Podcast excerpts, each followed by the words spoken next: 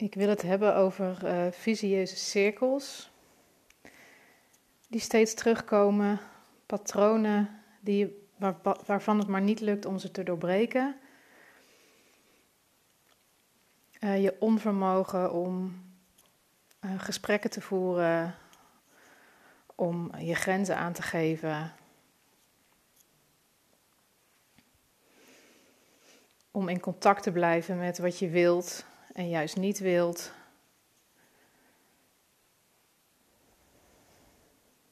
Dit soort ja, obstakels die je tegenkomt, uh, hebben eigenlijk allemaal te maken met het niet meer in contact kunnen blijven met de ervaring in je lijf.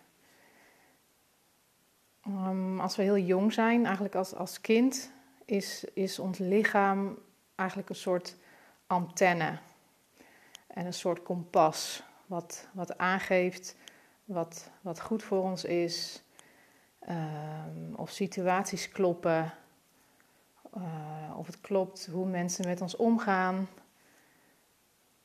Uh, ook voelen we ermee aan wat we nodig hebben. En, en zeker als we heel klein zijn, dan, dan geven we dit aan door hele pure reacties. Door boos te worden, door heel hard te gaan huilen, door te krijsen, te schreeuwen. Het zijn eigenlijk allemaal manieren om onze behoeftes uit te drukken. En, en afhankelijk van de omgeving waarin je opgroeit, worden die behoeftes ook vervuld. Nu is het eigenlijk nooit zo dat al je behoeftes worden vervuld. En, en ja, de, de, het ene gezin is het ander niet. Um, dus bij, de ene persoon zullen de behoeftes meer vervuld zijn dan bij de ander.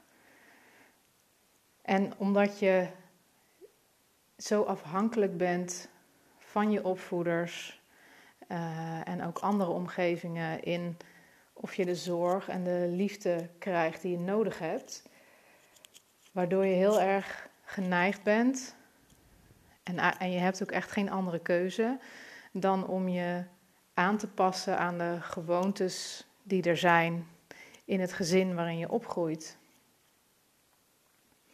Dus is het een gewoonte dat er niet over gevoelens wordt gepraat, dan zal jij ook leren om niet over je gevoelens te praten.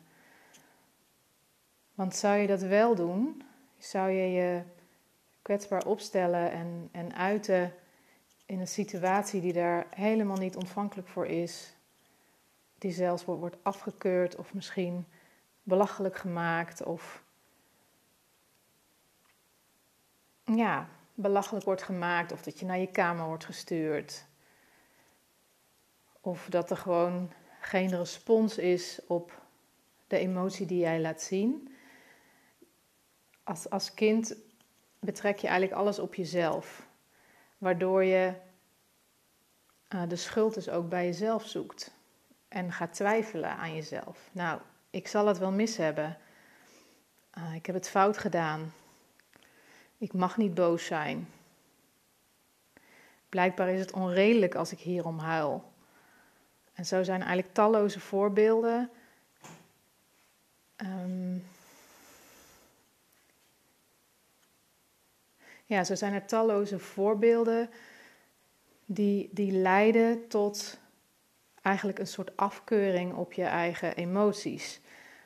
En daardoor ga je ze, ga je ze remmen, je gaat ze inhouden, uh, je gaat ze afdoen als dat het onhandig is of dat anderen het niet hebben, dus bij jou zal het wel niet kloppen. En daardoor weerhoud je de emotie ervan om te kunnen stromen. Dus je zet er eigenlijk een soort uh, spanning omheen. Waardoor het zich eigenlijk vastzet. Zowel in je lichaam als, als in je hoofd. En, en gebeurt dit uh, te vaak, dan raak je dus eigenlijk het vermogen kwijt om je gevoel en je lichaam als een soort sensor of kompas te gebruiken. Raak je het vermogen kwijt om aan te voelen: hé, hey, deze situatie klopt niet. Of hé, hey, dit is eigenlijk helemaal niet wat ik wil. Dit is niet goed voor mij. Of je raakt het zelfvertrouwen kwijt om jezelf te blijven in, in situaties met mensen of op je werk of in je relatie. Waardoor je bijvoorbeeld veel te veel voor de ander gaat zorgen. Of waardoor, of waardoor je juist heel veel ruimte in gaat nemen en, en niet meer afgestemd bent op anderen. Puur omdat je niet het vermogen hebt, of eigenlijk het vermogen hebt verloren, om op een soort ademende manier um, ja, je emotie te laten stromen. Dit, dit kan dus leiden tot uh, gedragspatronen of, of uh, ja, visieuze cirkels. En dan denk je dat je vaardigheden moet leren. En, en bijvoorbeeld in cognitieve therapie, uh, cognitieve gedragstherapie, is dat ook vaak de insteek. Dat je dus leert om anders te reageren, leert om dingen anders te interpreteren. Alleen doe je dat dan vanuit je hoofd. In plaats van dat je weer het vermogen terug gaat pakken om dus jouw lichaam en je gevoelens uh, weer tot je beschikking te krijgen als een, ja, als een gereedschap, als een kracht, als een vermogen om, um, om, ja, om, situaties en, en uh, omgevingen aan te trekken die goed voor je zijn. Of uh, om goed aan te kunnen voelen ja, waar je wel en niet ja tegen wil zeggen. Dus de insteek waar, waar ik heel erg achter sta, is dat je dus weer leert, dat je opnieuw leert. En ja, ieder heeft daar een andere ingang voor. Maar dat je dus weer opnieuw leert uh, beschikking te krijgen over je lijf en over je emoties. En vaak ja, vraagt het echt wel tijd en ook um, oefenen.